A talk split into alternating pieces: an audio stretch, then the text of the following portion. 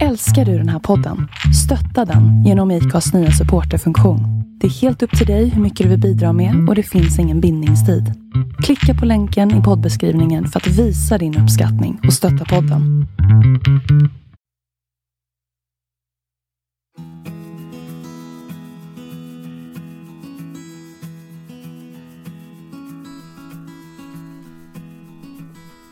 Nej men hallå Jonas!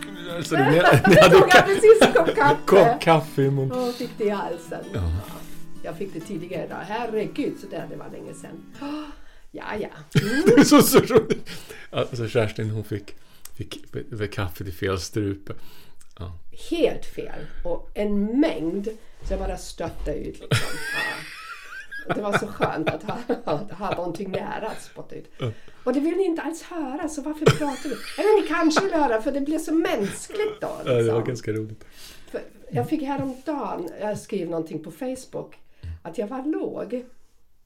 Och sen skriver någon, vad fint att du delar med att du är låg. Och jag blev sådär, men hallå, du vet. Även som om jag är inspirerad eh, och jag älskar livet. Jesus såklart. Allt det där andra, det är liksom, ja. Och om det är att få kaffe i halsen, får man tänka på något annat när man dricker. Ja. Det är inte så lätt att dricka. Det är så mänskligt i, i, i det hela. Och en del av mig tänkte vi, vi skulle prata om det där. Att vara mänskligt och vara själsligt. Eller hur säger man?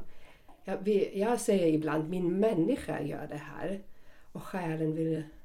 Själen är... Den är ju där den är. Um, Så jag kan ibland separera det, men såklart vi är ju inte separerade utan vi är ju en, en själ i mänsklig form så att säga. Men, men människan den får ju hantera alla, allt det vad livet innebär. Eh, Och själen hjälper till att balansera upp det. Mm. Parallellt med att du är på att kvävas nu, så vad, hur, hur mår din själ idag? Min själ idag um, är... Uttrycksformen av min själ idag, den är, den är ganska skör. Lite skör, ganska mjuk. Um, känslig. Känslig vill jag säga. Och det är så roligt för jag håller ju på med ett trädgårdsprojekt så det är verkligen det där konkreta, tunga liksom, lyfta plattor mot den inre känslan av ehm, en mjukhet. Så. Mm. Det är min själ. Hur mår din själ idag Jonas?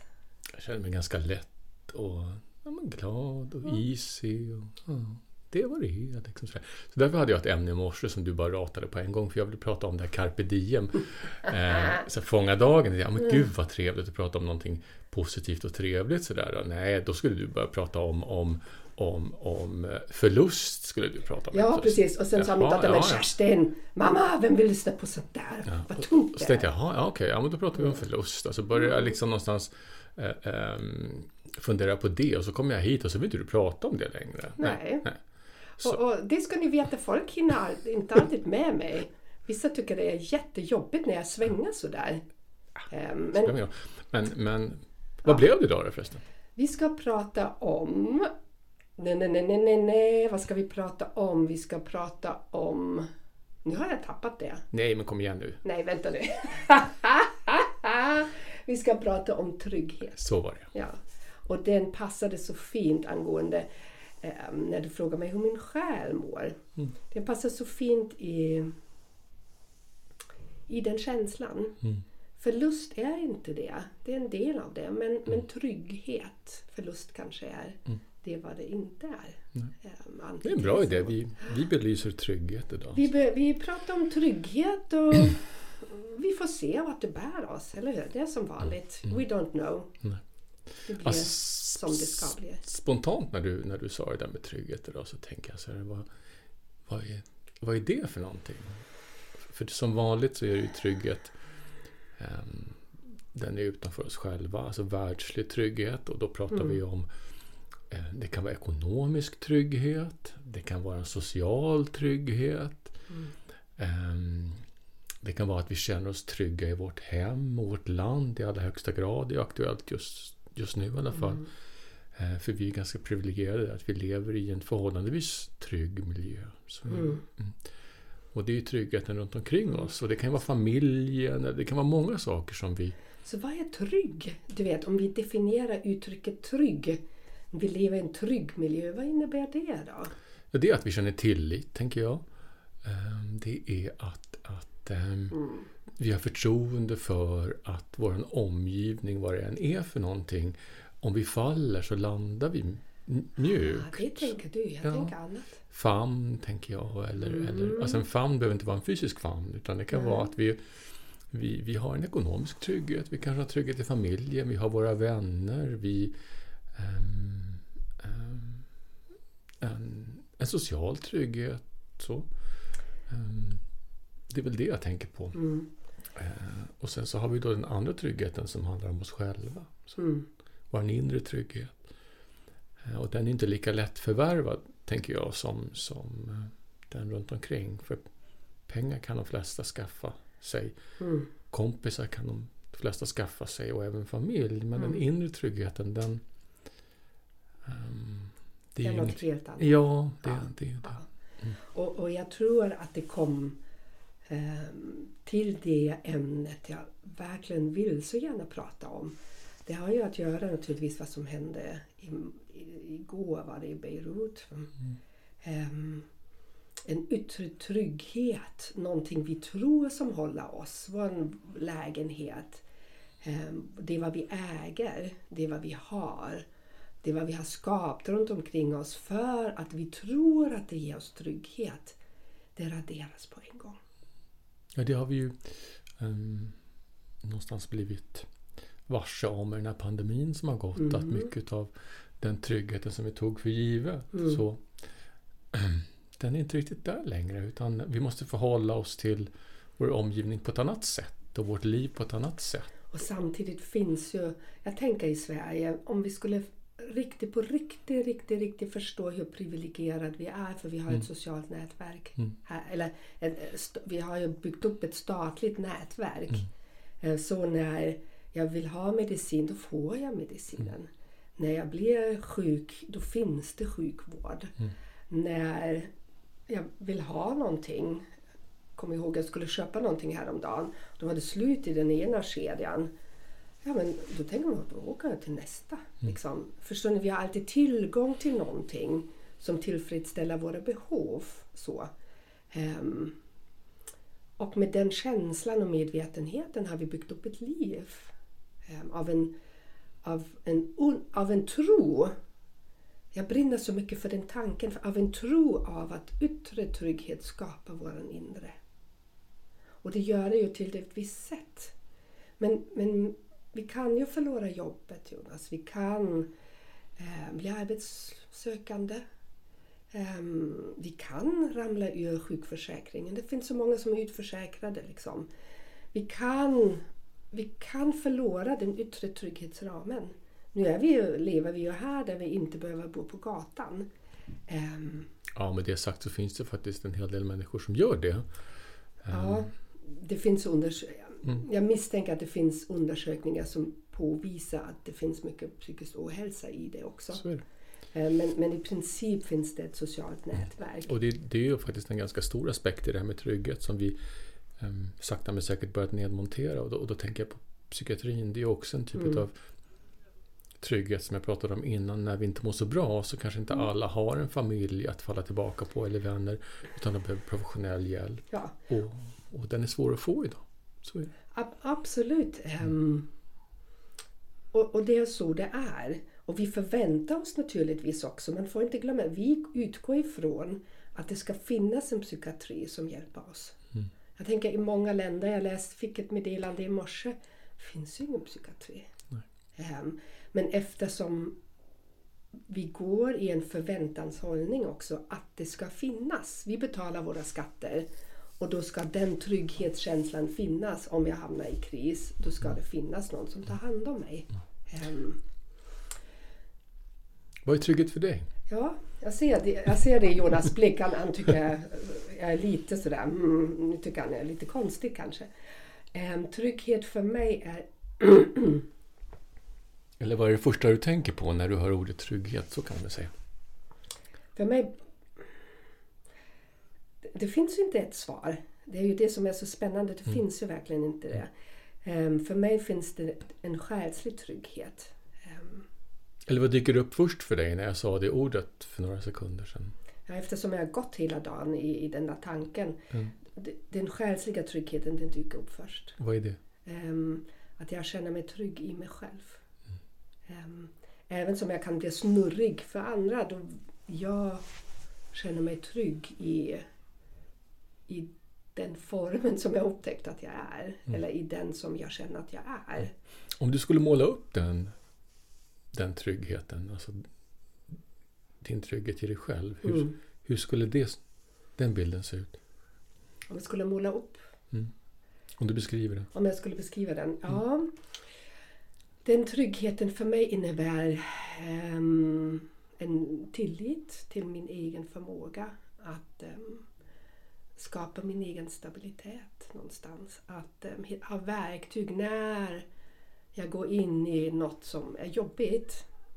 Um, att jag vet att det inte är permanent. Det vet jag, jag förlorar mig inte och är inte rädd att förlora mig i det, vad som händer. I dagsläget, nu vet jag inte hur det skulle vara om jag förlorar ett barn. Vi har, vi har pratat om det någon gång. Jag tror det finns smärtor men samtidigt skulle jag väl veta att Ehm, på något sätt skulle jag lära mig att leva med det. Don't ask me how. Och jag vill inte prova det heller. Um, men det finns liksom en, en, grund. Jag känner mig så grundad. Och samtidigt har jag eh, tillgång till um, mitt själsliv. Så. Mm. Hur har det här kommit till dig? Kan du berätta hur du har förvärvat din, din inre trygghet? Ska vi gå in i 20-årsterapi nu? Nej, det behöver inte Nej, göra. Men, om, ehm, om, om, du det... kort skulle liksom någonstans ta ut några milstolpar eller några, några, några och det behöver inte vara konkreta händelser men alltså hur tror du att du har förvärvat? Mm. Ja, jag tror att allt, allt, allt kommer alltid liksom smygandes. Det är ju det finns livsomvävande händelser. Det finns ju hos alla. Liksom. Jag brukar tänka att det finns en tid innan vissa saker och sen finns det en tid efter. Um, och, um, men den där varaktiga förändringen eftersom, eller utvecklingen, eller det är vad som händer. Det är ju man, jag vet att man tar liksom snabba steg framåt ibland när jag åker någon, på någon retreat eller någon helg eller gör någonting som är väldigt, väldigt intensivt. Liksom och det blir som en halleluja moment. Men sen vet jag också när jag ska grunda det och applicera det i mitt mänskliga liv eller i min vardag. Då går jag liksom steg tillbaka. Men, men ett steg har jag tagit och så har det alltid varit. Liksom. I början var det ju vissa perioder otroligt intensiva när jag, när jag hade panikångest och ville inte leva med den. Ehm, och utsatte mig för massvis med olika saker. Ibland kanske lite too much för min själ. Eller min, jag hann inte med liksom. Um, men um, det är ju en livs, det är ju resan som det är. Det är ju inte, man hoppar inte från ett till två eller från ett till hundra utan du går ju liksom alla dina små steg till plötsligt inser du hmm, jag har lärt mig att hantera det här. Eller det, hos mig har det uttryckt sig väldigt starkt nu faktiskt. Um, att jag inte har en längtan. Um, att jag inte går in i någon beundran eh, i någon, i en annan människa som jag tycker wow, den där har någonting som jag vill ha. Och då menar jag inte en förebild utan menar jag lite mer beundran. Um, som jag kunde göra tidigare. För jag längtade så starkt efter någonting jag kände jag, jag behövde eller ville ha. Um, så jag hade inte riktigt något filter utan då, då kan jag liksom ge mig hän fullständigt någonting annat. Och det har jag inte längre. Mm.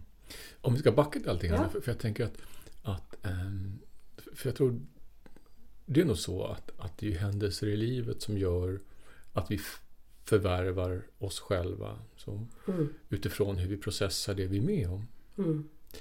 Ehm, men men alltså jag tänker också så här, för, och någonting som jag tror många underskattar, inklusive oss, oss, oss själva, det är ju att, att det stora sker oftast i det tysta. Ja, precis. Ja, ja. Eh, och, och mm, det är ju faktiskt när de här gångerna emellan händelser. Mm. Det är där det stora sker. När har du fattat det där Jonas, om jag får fråga? När har du förstått att det verkligen är så där i det där mellanrummet? Um, jag tror att det kom ur uh, den tryggheten. För det är en trygghet vi pratar om där. Mm. Um, den kom ur min, min, uh, mitt utmattningssyndrom som jag var med om.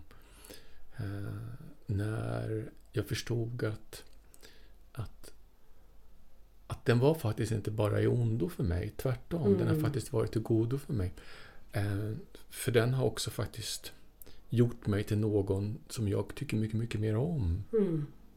Och känner mig mycket mer trygg med. Så det är läkning, Eh, det är en möjlighet. det är möjlighet. Ja. Jag, jag ser det som en möjlighet. Men, Eh. men är inte möjligheten läkning i att se utmattningssyndromet som någonting som har varit... Ja, alltså, så vad jag vill komma fram till det är ju att, att när jag må, eller mådde som sämst och när det var som mest krisartat och ehm, när det var väldigt turbulent. Eh, om man nu ska jämställa det med kärlek, hur absurt det nu kan låta. Alltså när, när man är förälskad så. Eh, det i min värld ger egentligen ingenting. Utan det är ju liksom stundens ehm, eufori eller stundens desperation om man nu Mm. handlar om, Mm. om när man mår väldigt dåligt. Utan det är ju när allt det här har lagt sig. När, när, för jag tror att, att, att um, tråkdom i en relation likväl som ehm, att vara deprimerad eller nedstämd och att det inte händer så mycket. Det är där läkningen sker. Mm. Och det är där utvecklingen sker. Ja, tänk om vi skulle förstå det. Eh, och jag har lärt mig värdera det stilla emellan. Mm. Och jag uppskattar det nog enormt. Och jag, jag, jag tycker väldigt mycket om när det är stilla. För jag kan tycka att livet generellt, för mig i alla fall, Mm. har ju varit väldigt turbulent. Så, mm. Ja, ja. Som det är för många. ja men, men det... Det blir så vackert när du säger det. Jag ser ju Mm. dig när du, när du berättar om det. Och det om vi nu ska prata om trygghet och vägen dit. För det är väldigt mycket som du säger, att, att med åldern så har jag fullt förtroende för att eh, det här kommer också gå över. Och, och eh, kanske inte imorgon, men om några dagar eller om en vecka så kommer jag må annorlunda. Precis, och kanske det kommer ske på ett sätt som jag inte har någon aning om Nej. i min vildaste fantasi. Det är ju det som är lite intressant också. Vi tror ju i, i våran i våran lilla hjärna som tänker liksom alltid samma tanke som jag har tänkt Mm. dagen innan. Då tror vi ju att saker och ting ska fortsätta på det där sättet som vi är vana vid. Och Mm. som, som hjärnan funkar, den matar oss med, med samma mönster, med samma tankar om och om och om igen. Eh, så vi är sådär programmerade. Och sen händer det någonting. Som du säger, din utmattningsdepression, hos mig var det ångest. Det kan vara någonting omskakande som vi inte visste innan. Jag menar, vi, vi hade ju ingen upplevelse av det innan. Så det var något helt nytt och något helt annorlunda. Och att vara i den, för mig var det ju fruktansvärt. Ehm, det är ju ingen snack om saken liksom. Men det som vi som sker efteråt, eller i denna transformerande ögonblick när vi börjar märka att det börjar släppa. Ehm, och vi sen har möjlighet att titta tillbaka och se att det här har vi faktiskt fixat. Eh, vi har faktiskt fixat det där. Det är så, där, det är så stort eh, på många sätt. Liksom. Och då kommer den där tilliten. Har jag fixat det här?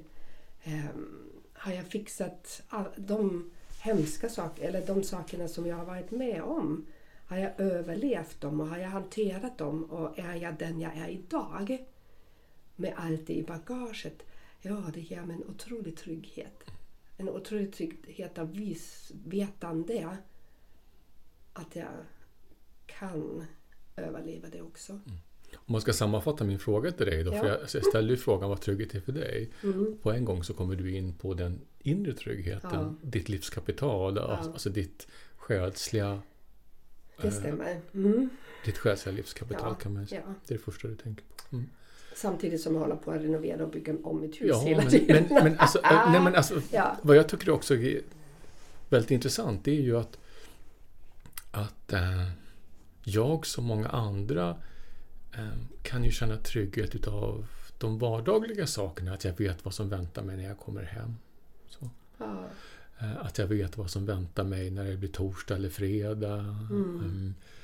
Eh, Och det är en ganska skön, liksom på något vis, um, marängkudde att ligga på. Mm, den är mjuk. Ja, den är Ah, skön, den är ser. Men, men å- andra sidan, för jag tänker också på det här. ehm, det, för mig är en enorm skillnad när jag är beroende av den. Än Mm. när jag tycker att den är trevlig. För om vi nu glider in på det här externa runt omkring oss. Då, Ja, för, ja. för inre trygghet är ju fantastiskt vackert. Ja. Och s- som vi var överens om förut så är det ingenting man, man förvärvar på en fikarast. Det Nej. kan man ju inte påstå. Nej. Ehm, eh, och, och det är ju någonting man, man måste göra, tänker jag, om, om alltså, om man ska leva. ja. Tror jag. Om man ska leva så tror jag att Meningsfullt. Ja, ja, alltså Ja. sen så är det ju förstås olika. Eh, men jag tror att det är så. För jag tror att, att om du inte har en, en, en god portion av inre trygghet så tror jag att livet blir ganska så ihåligt. Det blir svajigt också. Ja, för du så. svängs ju med dina humörsvängningar, med det Ja, vad som händer. liksom. För du vet ju inte riktigt vart du själva står. Och så kommer man då till den här yttre tryggheten. Då, för då har man ju, alltså många av oss vi skapar ju ett livsmönster och det, det är ju vardag, familj, arbete allt det här som omger oss. Mm. Eh, Och, och mm, jag vet ju människor, alltså jag tänker på en par till stycken som är beroende av det här. För om de inte, och, och, och då pratar jag kanske inte om, om, om, om vad det är vi omger oss med, utan de har ett stort behov av att strukturera upp sitt, Mm, sin, sin dag och sitt liv. Mm. Ehm, och, och, Kontroll. Ja, exakt. Mm. Ehm, eh, och, och jag blir... Alltså ska jag säga...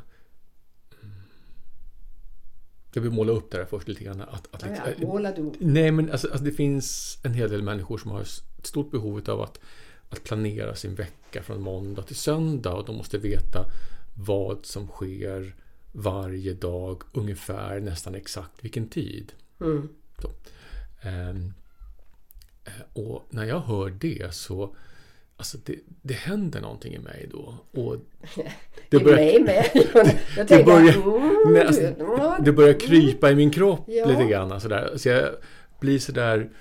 Alltså jag blir stressad av det faktiskt. Ja, jag skulle säga till de personerna som har de behoven, för de har ju de behoven av Men en säg inte att det är fel nu. Är det det? Va? Säg inte att det är fel att ha så. Jag säger aldrig det är fel. Nej. Jag tänker att de behoven finns hos den människan på grund av att de har det, det behovet. Men de borde fundera över why. Varifrån, hur grundar sig, i vad grundar sig de behoven? Och vad händer med dem när någonting händer? För för det är, det är faktiskt så att livet är ju livet.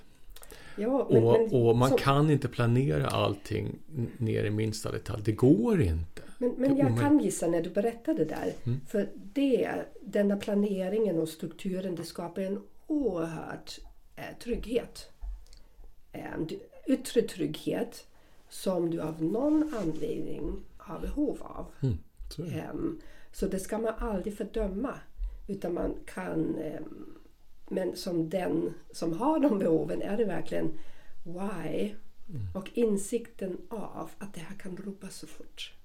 Att man är så sårbar när man har de behoven. Så det är lika bra att börja fundera över det här direkt. Och förebygga och börja släpp, jobba med att släppa på kontrollbehov.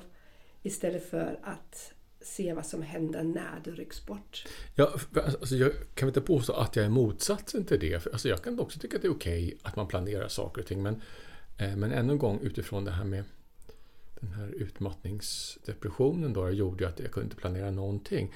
Men jag är inte så säker på att, att den jag är idag med mitt behov av att vara fri, alltså att, mm. att man bestämmer utifrån eh, det som kommer, mm. eh, att det har alltid med det att göra. Eh, det innebär inte att jag är oförmögen att planera min dag. Eller, alltså när jag vaknar upp på morgonen så har jag behov av att, att liksom veta att okej, okay, du och jag vi ska ses idag och vi ska mm. spela in det här. Mm. Um, är det förmiddag eller pratar vi eftermiddag eller pratar vi kväll? Så att jag kan liksom någonstans då... Jo, för, men vi har ju an... Det där är ju en vanlig planering. Jo, jo men för, för, för alltså, jag har ju andra saker i livet som behöver göras också. Ja. Eh, men, men eh, så är det inte då för de här människorna som vi pratar om. Utan de behöver boka in då måndag nästa vecka klockan 14.00 mm. och då ska vi vet, göra det här. Och sen, blir, sen händer det någonting i dem när det inte blir så. Mm. Och, och alltså, orsaken för mig till att jag är... För jag, um, jag är rädd för att leva så. Och rädslan för mig där handlar om att vad missar jag för någonting? Mm. Och, det vet vi ju. Du vet när vi har ett öppet schema eller när vi är flexibelt i sinne, vi kan ju kalla det så.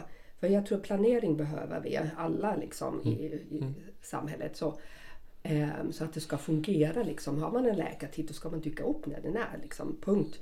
Men nu pratar vi ju om vad händer med, med själen eller med sinnet eller med människan.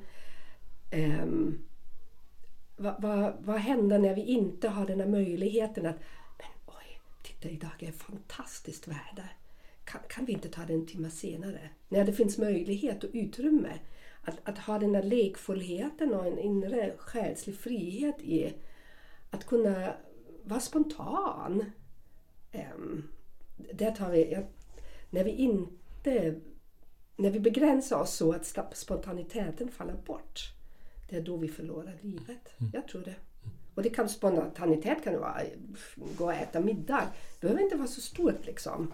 Um, gå höger istället för vänster. Ja, men alltså, jag, tycker om, liksom? jag tycker om det där att, att, vi kan bestämma, man kan alltid ändra sig och så är det inget mer med det. Ja, ja. eller vara nyfiken. Det ena är ju liksom, för det där som du berättar om, det här är så spännande för, för den människan är det ju trygghet.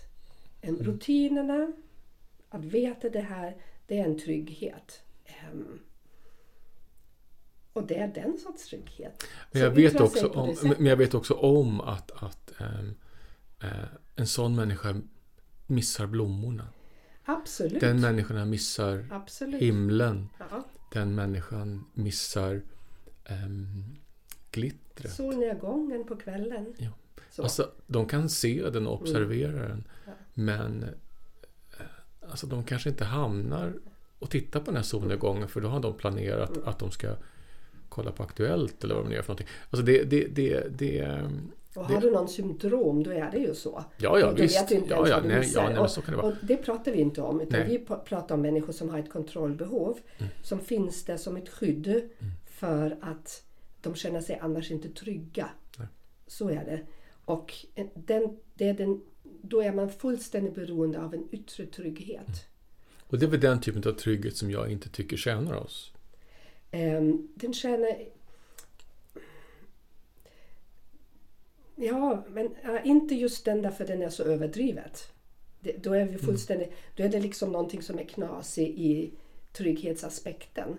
Sen, sen finns ju, jag tänker hela tiden på Maslows behovstrappan.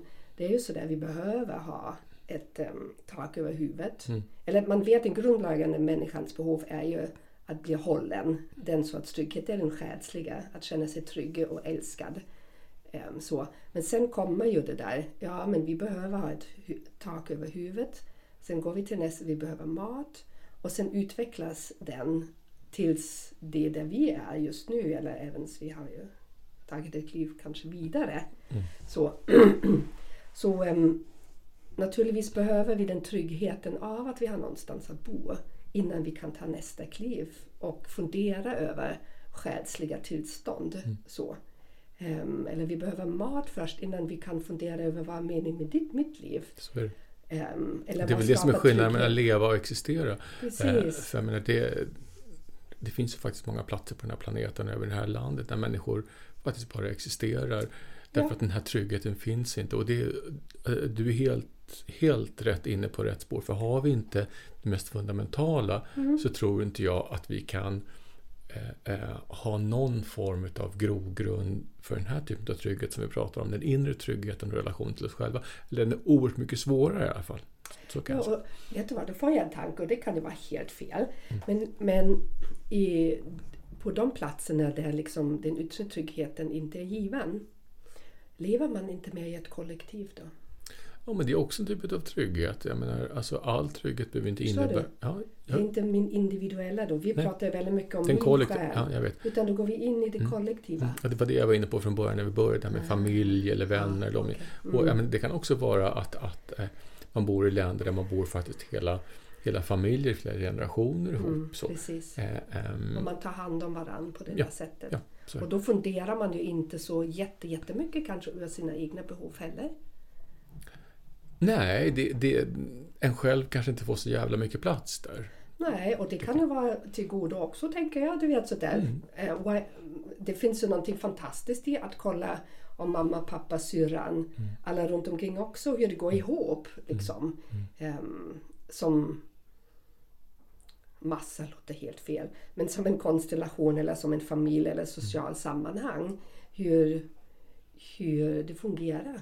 Ehm, är, den bilden tycker jag är oerhört intressant för det, för det är någonstans um, lite, lite grann som den här tesen, vem, vem är lyckligast, den korkade eller den smarta? Mm. Och, och, och tänk att det här, alltså vi i västvärlden då med, med, med våra möjligheter generellt sett, att vi kan vara individualister, för här uppmuntrar man ju individualismen på ett annat precis, sätt. Ja.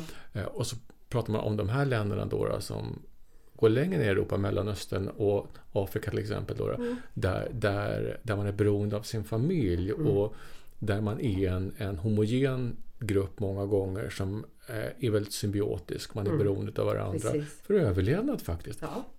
Eh, och då, då, då är ju frågan där ehm, kan man utse någon vinnare? Liksom? Ja, men, ja, ja, precis. Och vi ska ju inte värdera liksom, men det är ju väldigt spännande. Ja. What is better, what is worse? Eh, Vi tror ju alltid vi är så superior på grund av, du vet, Mm. vi tänker så eller bla bla bla, vad vi gör eller vad vi kan skaffa och, och, och så vidare. Men, men det spännande är ju att ifrågasätta det. Jag, jag tänker båda sätten att se på, på livet har ju ett pris faktiskt. Jag menar, eh, Jag, gill, jag skulle gilla mellanläget tror jag. ja, men nu får du inte det. Nej, jag vet. Eh, eh, jag menar, priset här handlar ju om då att, att, att ehm, eh, du kan vara mer utsatt på ett annat sätt. Alltså, I kollektivet. nej, Ja, här eh, r- rent psykologiskt, eh, rent socialt eh, och, och ehm, även, även våra eh, vår ångestbarometer. Liksom sådär. Den, kan ju, den kan ju slå över. Eh, och och eh, när man tittar på de andra länderna som vi då pratar om, eller de andra kulturerna. Eh, eh, jag är inte så jättebekant. Alltså jag har en del vänner där. Men, och, och jag vet ju också om att deras livsstil har ett pris. Det vet jag ju om. Precis. Så utsatt, jag tänker vi är bara utsatta på olika sätt. Mm. Kan det vara så? Utan att jag vill värdera. Ja, därför att där är det många gånger så. Min uppfattning i alla fall. Och nu, nu drar jag inte alla kulturer över en kam. Men jag vet ju att många kulturer där har ju väldigt strikta regler för hur man ska vara. Jo, Eh, eh, och, och om du går utanför det. Eh, och det kan ju handla you om... might not want to do that. Nej. Nej. Eh, och, och då, då är ju den liksom tryggheten villkorad istället. Precis. Och, och jag menar, alltså, så, så länge du, du eh, infogar dig i, i mönstret Mm. För och det är leder. tryggt. Ja. Vet, det är tryggt att veta att dina barn eller din Mm. granne ingår i det mönstret som har skapats någon gång. Ja. Eh, Då, då, är ju allting honky dory, då är allting jättebra. Ja. Eh, men om du någonstans upptäcker att men jag vill inte ha slöja. Eller jag som man tycker om eh, eller jag tänder på män. Ja. Eh, eller, eller det kan handla om Eller en att kvinna blir kär i en annan man. Ja, utanför kulturen. utanför kulturen. Eh, och och liksom du som kvinna kanske vill, vill plugga. Jag menar, då, då händer det ju grejer helt plötsligt. Ja. Så det är ju, i, i, där har man ju också skapat sig en, en, en sociologisk trygghet med ramar utifrån. Mm. Så, som inte kommer inifrån kollektivet egentligen. Nej. För skulle det kännas tryggt inifrån då skulle man ju inte behöva ifrågasätta om en kvinna ville plugga eller, en, eller någon är homosexuell eller någonting annat. Hur? Så det är väl kontentan utav de här typen av trygghet är ju att båda har ett pris kan man väl säga. Ja. Eh, Och det är ju de som skapas utifrån. Så Just det, just det. Den inre tryggheten kan ju, det är något helt annat. Ja, så det är trygghet utifrån som vi tror ska ge oss den inre tryggheten. Ja, Alltså vilket det säkert i vissa fall gör. Jag menar det, det, det är ju... Det, Och såklart, vi, vi behöver ju en viss inkomst för att kunna leva i Sverige. Så är det också för att kunna köpa mat, betala elräkning. Så em, jag tjafsar inte om, om den sorts yttre trygghet. Liksom. Jag, jag vill gärna veta var jag bor. Eh, jag, jag har själva personligen eh, ytterst trygghets... På ett plan, väldigt trygghets, yttre trygghetsberoende eh, på, på grund av mina sår som jag har liksom med väldigt mycket utsatthet och flytt och sådär. Så jag ville skaffa mig den yttre tryggheten genom att bo i samma hus i hur många år som helst. Liksom. Det har varit viktigt för mig ehm, att hitta den stabiliteten där. Så tänker jag så här också, för det finns ju... Alltså för mig finns ju också den andliga tryggheten. Ooh, finimangi. Så vi ska gå dit! Det jag tänkte det lite Ja, grann. För det det, kan vi göra. Det, det är väl ganska trevligt. Ehm, Ganska trevligt. Ja, det är ganska trevligt. ja, ja. Eh, och den tryggheten kan ju skapas utifrån flera olika fundament. Jag tänker på trossamfund. Jag tänker på religion. Eh, jag tänker på ehm, ehm, i allra högsta grad tryggheten som kan komma ur sektiosa situationer och så vidare. Jag tänker på ja, militär. Ja. Eh, men jag är inte riktigt där utan jag, Nej, jag, jag. Jag, mm. min, min andliga trygghet kommer ju ur ehm, att jag vet vad som händer när vi dör. Är det din andliga eller själsliga trygghet? Ja, skitsamma vilket. Nej, men jag måste ju förstå, jag måste ju hänga med liksom. Ja, alltså andlighet för mig är ju en tro eller en vision eller en sanning om hur ehm, livet bortanför det här som vi nyss har pratat om då, Ja, då hur, hur det är någonstans konstituerat. Ja. ja, ja, ja, men då, det är som det övre jaget någonstans. Ja, och, och alltså, alltså det, det, Mm. det ger ju mig egentligen den, alltså, hur ska jag säga, den, den slutgiltiga tryggheten att jag är inte rädd för att dö. Inte dugg. Eh, Jag är bara rädd för hur jag ska dö. Det är väl det som, ja, men att dö, alltså jag är fan med och Alltså inte imorgon kanske, det, men, men, men alltså när spelar mig ingen roll. Mm. För jag vet ju vad som händer sen. Och det är liksom... ehm, den tryggheten gör ju att, mycket av det andra som vi nyss har pratat om, det blir så sekundärt på något Det vis. är så, eller hur? Det, jag tror den där som jag pratade den själsliga, den kommer ur att jag andlig känner mig så trygg. Ehm, inte i tillhörighet någon kyrka och inte någon sekt heller. Utan det är vad jag har skapat i mig själv, liksom genom mina erfarenheter och upplevelser. Lagt ihop det någonstans. För det är ju... Nu för tiden tänker jag, det är ju ingen som vet. Men du, vi vet för oss själva. Ja, för, Du vet sådär. Och sen kan man lyssna på när, när Jonas berättar eller någon annan. Liksom, då hör jag att de berättelser är väldigt lika. Det är, vi är, ja.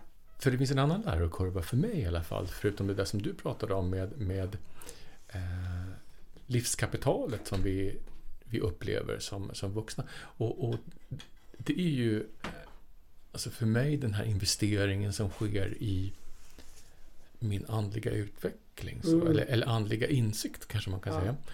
Eh, att, att när jag är i synk med mig själv och min själ, då mig själv och min själ, Mm. då, då, ehm, vet jag att det ordnar sig alltid. Ja, precis. Visst är det, det, är, så, det är så häftigt faktiskt. Um, Det, det kanske inte alltid känns så i stunden, men, men såklart inte. sedermera så, så vet jag att ja, det fixade sig. Ja. Ehm, och, och på det... Ja, och, och det här är ju det, det som du pratar om, den, den, den andliga tryggheten eller självet, som är som hos dig väldigt grundad. Du, vet, så där, du förbinder ju det med, med ditt liv och med din vardag.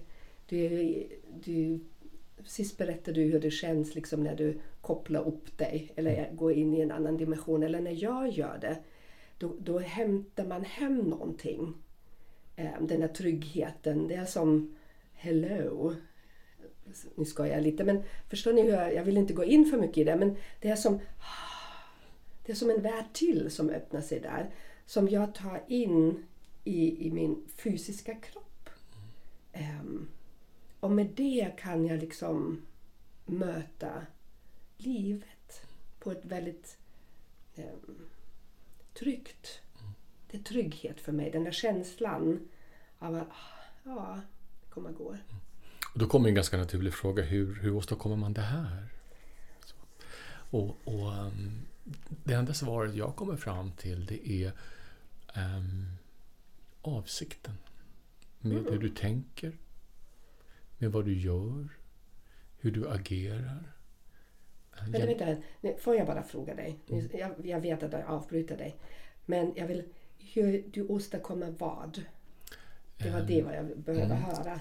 Um, för att skapa, eller för mig har det varit så här. Jag har skapat min själsliga trygghet och min själsliga vagga kan man väl säga då. Mm. Utifrån att eh, jag vet att avsikten med det jag gör, avsikten med det jag agerar på och emot andra människor. Alltså, så. Mm. Eh, och avsikten Alltså, alltså, fundamentalt för mig i livet. Mm. Vad är det för avsikter jag mm. har? Um, att de är goda. Oh. oh, Jonas, thank you for reminding me. Mm. Um, Med det sagt så innebär ju inte mm. det att, att, att jag är liksom någonstans någon, någon Holy eh, moly. Nej, det är, alltså, jag är ingen Gandhi som går omkring och är liksom god mot allt och alla. Det är inte alls så jag menar. Utan nu, nu bara pratar jag i relation gentemot mig själv ja. och eh, hur jag ser på livet. Ja. Jag tror när du jag hör, eller när jag hörde vad du säger, det där att veta, veta någonstans. Mm. I hjärtat är man god. Min avsikt med ja, min... när jag säger ja. någonting till någon eller när jag mm. gör någonting för någon ja. eller, eller när jag skämtar med någon eller när jag är sarkastisk mot någon så är det bara utifrån god Alltså, du vet att du är ja, god. Det där ja. vet, sen kan vi ju triggas av någonting på grund av liksom annat som mm. ba, ba, ba. Men det där innersta, innersta vetande. Mm. Eh, att man är god, att man vill väl. Mm.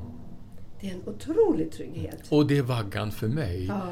för min själsliga trygghet. Ja, jag, jag, jag förstår. Um, jag kommer ihåg när jag gick Humanova för många år sedan och vi hade en gruppterapihelg och det var jätteprocesser. Och, eh, men jag var ju alltid den som sträckte ut handen först som ville gå i sådana djupa processer. Jag tänkte betala så mycket pengar, jag måste få ut någonting av det där. Men grejen var, eh, då frågade, jag tror det var läraren, eh, frågade mig Kerstin, vill du ha tröst av någon annan? För jag kunde inte ta emot. Eller vad det än var, liksom att någon annan kom till mig och höll om mig. Och mina ord var då, jag ba, men bara om de vill och om de är goda. För redan då förstod jag, och det är många, många år sedan, att det var så viktigt att ha den där intentionen. Att inte göra någonting för någon annan säga eller man borde eller det känns ju helt okej okay, eller ni vet sådär att samhället säger det här är ju rätt att göra. Utan att veta jag ville att de som skulle hålla mig i denna ytterst sårbara ögonblicket skulle veta att de är goda. Ehm. Hur vet man det? Jag, Ja, men det är en känsla. Jag vet ju, men jag, menar, jag tänker på att, att Ja, då fick jag släppa kontroll över det liksom. Ja. Nej, alltså inte från din sida, men jag Mm. tänker om, om jag nu till exempel då, någonstans hävdar att jag är en god människa. Så, Mm. Hur vet jag det? Ja, fy, fy fan vad jag tänkte säga. Vilken fråga. Eller vilken undra. Hur vet man det där? För, för jag, jag känner ju likadant. Och hur vet jag det? Ja, det är det där med avsikten. Som jag tror man har, jag har genom, med, mot mig själv manifesterat om och om igen. För allt vad jag har gjort är ju för att vara god. det är för, alltså för mig handlar det om förmågan till rannsakan. Jo. Eh, våga titta på oss själva. Eh, och om vi vågar rannsaka oss själva eh, och faktiskt ifrågasätta oss själva, för det är väldigt sunt att göra med jämna mellanrum. Vad, vad är avsikten med det här? Vad är behovet i det här?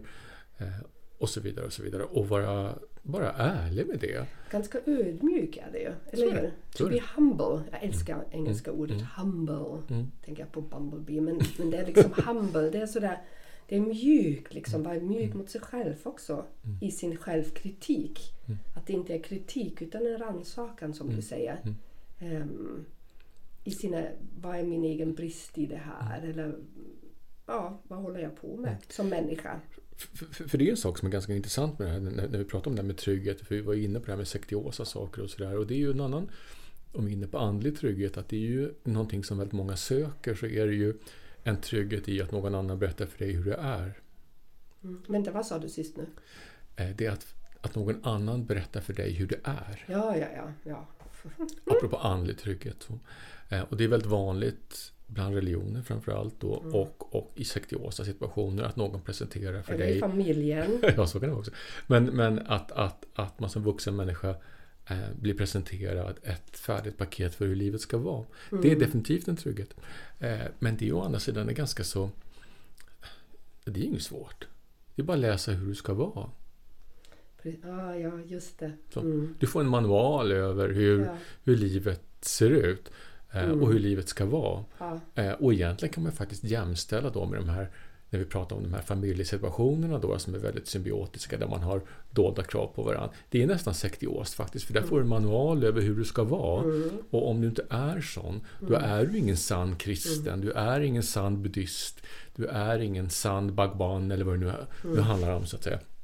Eh, eh, Du blir bedömd utifrån om du fullföljer ehm, hela beteenderegistret som är, då nedskrivet. Så. Precis. Så de... Det, ja, det är så scary liksom när någon annan säger till dig vad som trygghet är. Vad som är rätt och fel. Ja. Vad som är rätt och fel.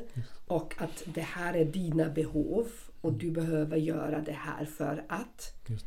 Um, utger sig som en lärare eller en mästare. Om du anammar de orden men du är inte de orden. Ehm, Och alltså, vad som är oroväckande i det här tycker jag, det är det, är, eh, det enorma behovet som finns utav detta.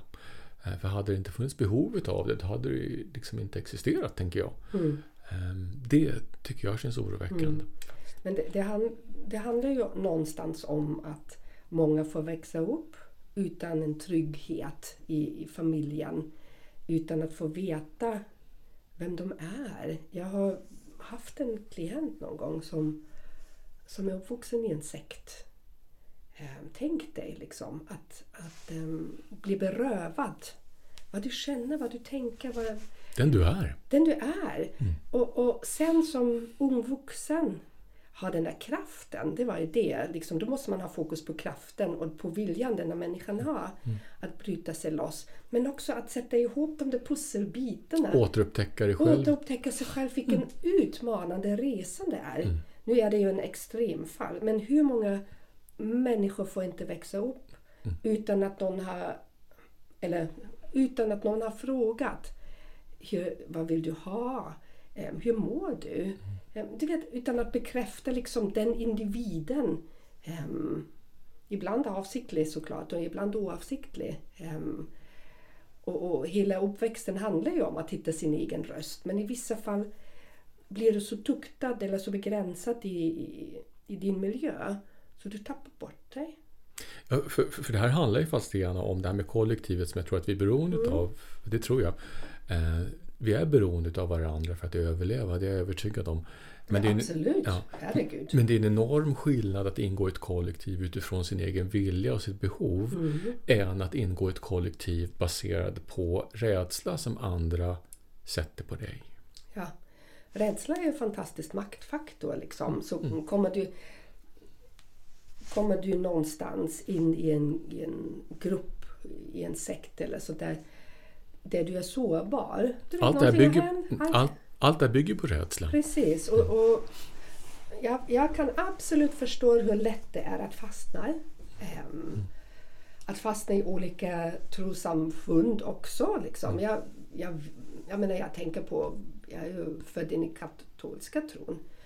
Och när man tittar historiskt, det är ju liksom, det var det som under allt låtsades ge trygghet eh, låtsades hålla i strukturen. Låtsades lyssna. Låtsades ge absolution. Jag betonar väldigt mycket det där låtsades. Um, men, men man gick och biktade sig och sen skulle man be några Ave Maria och sen var man, hade man släppt det. Och det finns en väldigt fin tanke i det. Jag älskar grundtanken. Men sen har det använts av makten. Men, men människans behov av trygghet, att, att, att bli sedd av någon, ehm, det la man ju ut då på kyrkans namn eller man ehm, och blev sårbar. Och många har utnyttjat det då. Ja, för det här bygger fast lite på att jag är inte emot religioner, för religioner kan vara fantastiska. Ja. Men jag tycker också att religioner måste tåla dagens ljus. Oh yes, allt ska allt, Så, ja. eh, eh, och det ska inte finnas några skrymslen och vrån där utan eh, det ska tåla att bli belyst. Men, men mm, och det är ju samma som när du säger Jonas att hur vet vi att vi är goda? Mm. Och att vi behöver mot oss själva vara transparenta mm. och ödmjuka och observerande. Mm. Hello, vad håller jag på med? Ja, för, alltså för mig dagens ljus handlar om rannsakan. Rannsakan dagens ljus är för mig samma sak. Att, att, att jag kan titta då på vad, vad jag håller på med. Precis. Eh, eh, vad vill jag med det här? Vad är grundkänslan mm. i det mm. här? Precis som du brukar uttrycka det ibland, gnager någonting i mig ja. när, när jag håller på med det här? Eller, eller känns det liksom fine, fine och gott? Liksom. Ja, och det är ju väldigt, väldigt fina riktmärken, tänker jag. Eller hur? Mm. Det, fattar jag något beslut och det gnagar liksom, eh, kommer inte i längden håller. Eh, det kanske håller just nu, mm. eh, men kommer inte hålla i längden. Och alltså med det sagt, det är faktiskt så att jag fortfarande i livet eh, definitivt går emot signaler ibland som indikerar på att nej Jonas, här ska du inte vara, det här ska du inte göra, mm. det här ska du inte hålla på med. Eh, det är jag medveten om, alltså det, det gör jag. Eh, eh, och jag behöver inte gå in på några detaljer, men jag har haft ett ganska stort projekt de sista två åren. Som har... Som så, poddar här och han bara går emot sig själv. Nej, nej, nej inte podden. Inte podden. Inte nej, inte podden. Det här är... Podden, det är som livets vaniljsås. Ja. Eh, nej, men alltså eh, världsliga saker. Där jag borde ha lyssnat på mycket, mycket, mycket tidigare att äh, det här ska du inte ge dig in i. Uh-huh. Men jag gav mig in i det och jag är ju sån där som jag ska fan slutföra. Uh-huh. Um, och, och ja, nu, kallas det lite envis va? Det kallas för... Nej, vänta, plikttrogen? Nej, Nej. Det, det, det är idioti. Ja, Okej, okay, det kallas det idioti. idioti. Ja, och, och jag är idiot ibland, det är jag definitivt. Ja, ja. Men, men du vet, när man någonstans... Eh, för jag är ju sån där att, att liksom, saker kan gå emot i livet eh, och det kan gå riktigt åt helvete. Men dagen efter jag spottar i nävarna, jag reser mig upp och jag mm. säger Fan, har jag tagit mig an det här, då ska jag slutföra det. Ja. Men nu i livet så eh, alltså jag förintar inte mig själv på kuppen, det gör jag inte som jag kunde göra innan. Men, men eh, eh, jag vill gärna slutföra det jag påbörjat på bästa möjliga sätt. Så, är det. Eh, så, så det här innebär inte att, att hela mitt liv är någon slags liksom, eh, eh, mysig linbana, för det är det inte. Faktiskt. Ja, jag tycker vi är ganska tydliga i att det inte är så. ja. Eh, våra, sam våra samtal här det är som ljusaste fluff. Liksom. Mm. Sen går man ut och får fixa det. Va, som, liksom. men, men det viktiga är ju, ja, jag älskar det där att du sa att du vet att du är god. För det där har varit så många gånger, inte så många gånger, men, många, många gånger för mig. Det där när jag går och lägger mig, du vet, jag är i en konflikt eller det är jobbigt liksom. Um,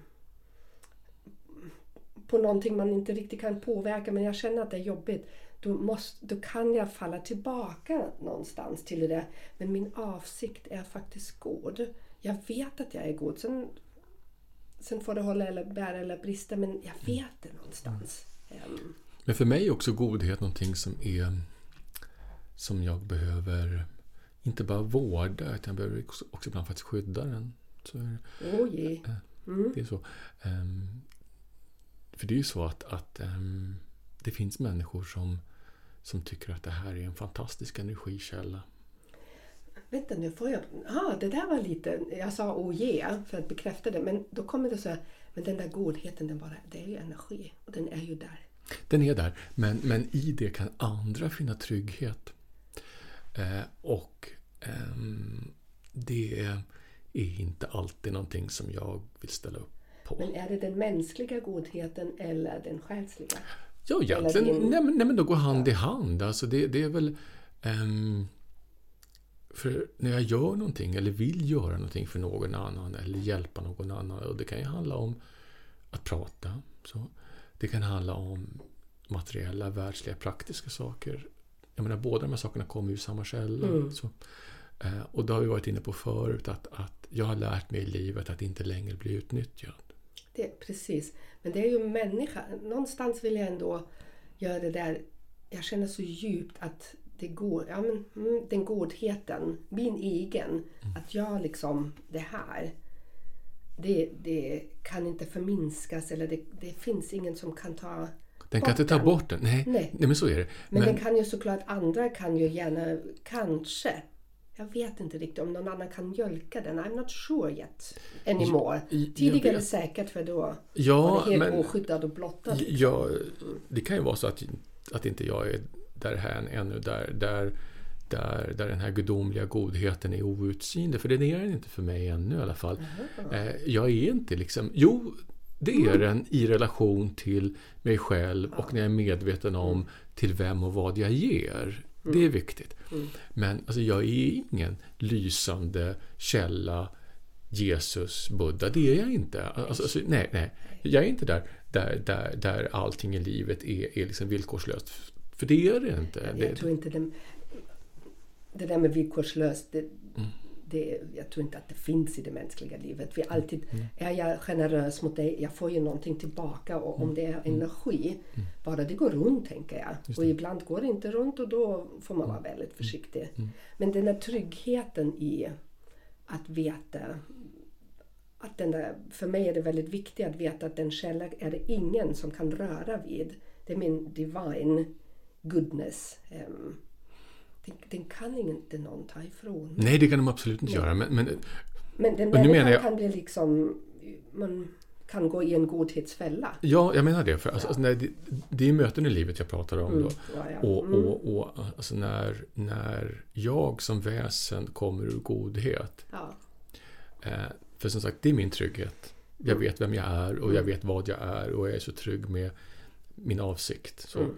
Eh, så möter man människor i livet ibland som när sig på det här. Och jag ser inget fel i att någonstans tycka att eh, okej, okay, det här räcker för mig. Du är ett asshole, dra åt helvete. Så, ja. Ja, så. Dra en gräns för när, när okej, okay, du har inte tillgång till mig längre. Nej. Och, och det, det som är liksom i mognaden kom för mig, det var att jag började inse när det var så. Mm. För jag tror det är säkert många som har sugit min godhetstablett. Mm. och jag förstod inte den. Och jag kan säkert gå fortfarande in i det Um, när folk frågar men, men vad får de ut av det när du gör det här? Mm. Vad får de andra? Du vet, någon, jag bollar idéer med någon och den tredje personen säger men vad får den ut av det? Mm. Och jag kan ibland inte se det. Eller jag kunde inte se det. Och då i, efteråt, och, för, och i efterhand kan jag förstå, jaha, du vet, det här behövde de. Och de såg det här i mig.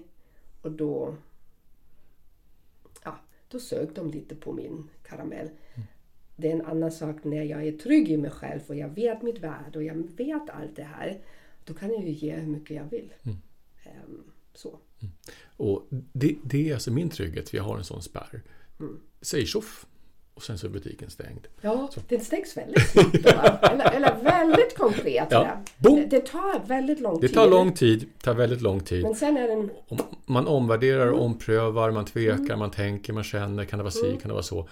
Och så kommer man fram till att nej, så är det inte. Uff. Du är ett asshole, dra åt helvete. Ja. Punkt. Punkt. Så är det bara. Eh, Så det är jag helt liksom trygg med. Att, att, Jo, men, men det kunde man ju kanske inte gö- göra när man... Jag kunde inte göra det när jag var yngre, för då, var jag inte, då hade jag inte den här tryggheten i mig. Att veta att jag ändå god, även som jag stänger den här luckan. Mm. För det tror jag många borde höra mer. Du är god även om du stänger den luckan till att bli utnyttjad. Så. Så då kan vi ju summera det som att vi har alla behov av att ha en social, ekonomisk och praktisk trygghet. Det är jätteviktigt för oss att vi ska överleva. Och vilken nivå man lägger den på, det är olika för olika människor. Ehm, Det, det, det kan ju se olika ut. Och definitivt tryggheten i relation till oss själva, alltså, alltså den kognitiva, psykologiska och den utvecklingen som vi har som människor, den mänskliga utvecklingen. Och den kan ingen ta ifrån oss. Nej, Det är Den, den livs, yttre tryggheten. livskapitalet. Tänk på allt vad som händer i världen nu. Mm. Allt kan tas ifrån oss förutom det vi är. Mm. Så. Och så den, den andliga då som vi nyss, Mm. nyss pratade om. Och det, det är ju inte alla som vill ge sig in i det. Men, men ehm, vill man det så... Det är vackert kan jag berätta. Det är vackert. Jo, jag, jag har tillbringat fem år att hitta hem där. Det tog mig fem Mm. väldigt... em, eller det är längre, herregud, det är mycket längre än sådär. Mm. Em, Så det tog mig många år. Em, and then it's fine. Mm. Then it's good. Och det är ju liksom någonstans för mig som sagt den, den slutgiltiga tryggheten. För vi alla kommer dö, det vet vi. Eh, och det är ju den rädslan som jag tror gnager i många som skapar en otrygghet. Ja. En fundamental otrygghet, Mm. osäkerhet och rädsla. Mm. Och, och då säger jag till det, ur mitt perspektiv, då får man fundera över varför man är så rädd. Jag kunde ju känna, men jag vill ju leva. Mm. Men det betyder också att det finns någonting i det. Då är den där hungern så stark och då får jag ta hand om den. Vad vill jag egentligen med? Varför är jag så hungrig? Såklart ska man älska livet. Ehm, men det finns någonting i det som jag behövde titta på för att förstå att om jag skulle dö imorgon, okej. Så. Ehm, Det hjälper mig jättemycket att, ehm, att fundera över varför jag är så hungrig efter livet. För att när jag har belyst det, då kan jag släppa det. Så är det. Ehm, Så det är för mig en slags, ska jag säga, en del i en treenighet kan man väl säga. Ja. Då, då. Eh, Den andliga, mm, den sociala och den inre tryggheten. Alltså den, den, den vi, vi, vi förvärvar över livet. mm, Så, eh, och lyckas vi någonstans ha de här i oss i rimliga proportioner, för jag tycker om ordet rimligt, så tror jag att vi har all möjlighet att, att må bra. ja, leva gott. Mm. Jag vet. Med, med allt vad det innebär. Ja. Ja, hörni. Nu har vi Babblat en timme. babblat en timme om Jäklar, det gick, trygghet. det gick fort idag. Och då har vi inte pratat liksom om sådana där saker som man pratar med terapeuten om. Utan vi har filosoferat om ämnet. Mm. Hur du ska göra det konkret. Då får man ringa till Jonas eller mig liksom och boka en tid. Förstår ni? Det är liksom Det är inte det här Vi vill ju inspirera till att det är möjligt. Ehm, och att det finns vägar. Ehm, det är det som är vår tanke med podden. Eller hur? Att, att börja liksom expandera i trygghet. Ehm, att öppna tankarna till... Ja, vi vet ju, jag tror du vet det ännu mer än vad jag vet, men jag tror att det är så mycket möjligheter. Allt är möjligt. Är det det? Det kanske det är. Mm, jag har inte tänkt på. Det kanske är möjligt. Det är så roligt. Jag jag, ni hör, jag utgår bara ifrån att Jonas vet någonting som han egentligen inte vet. Det, det är min illusion och föreställning att Ja. det är så där det är när man är ja, Jonas. Okej, men ehm, Jo, jag tror att allt är möjligt om Ja. behovet finns. Så kan vi säga. precis. Så kan Då vi så. säga. Mm, Så kan vi säga. Mm. tack för idag. Tack för idag Kerstin. Eh, så får vi se, för du, du, du har ju beslutat dig för att, att emigrera, Ja, emigrera stan. jag har varit spontan. Jag, jag känner att min, min, min själ behöver inspiration. Eller att jag... Att, ni vet, man går liksom vägen rakt fram. Och man, apropå det vad vi började samtalet med. Det är skönt att ha en mjuk kudde att landa till. Och man har en struktur, man har en rutin och bla bla bla. Och sen tänker jag, men nu vill jag svänga höger. Jag vill inte gå den där raka vägen just nu, utan jag vill se vad som händer. Men nu, nu får du sluta babbla. Alltså, vad, vad vi Jag ska kommer vara i. Österlen fyra veckor. Ja, precis. Vad det vi kommer fram till. Du, du kommer vara borta en månad, så, så vi får se hur många vi hinner med innan du drar. Precis. För jag tror inte det funkar och distanspoddar, så kanske det blir en paus igen när du är borta. Det är Ja. möjligt att det blir... eh, eh, Men det lär visa sig. Ja, men jag lär inte flyga hem till Stockholm för att podda. Nej. Nej. och jag eh, tänker fan inte åka ner till. Österlen för att podda heller. Ja, Ja, det- det, ja, det det- kanske det- jag gör! det- det kanske jag gör! Det, nu har du hittat en ursäkt för att komma ner. Ja, kanske. Eller hur? kanske. Vi får se. Vi får behöver se. inget ursäkt. Men tack för idag Jonas. Och ehm, jag hoppas att ni har fått nya tankar och idéer om vad trygghet kan vara.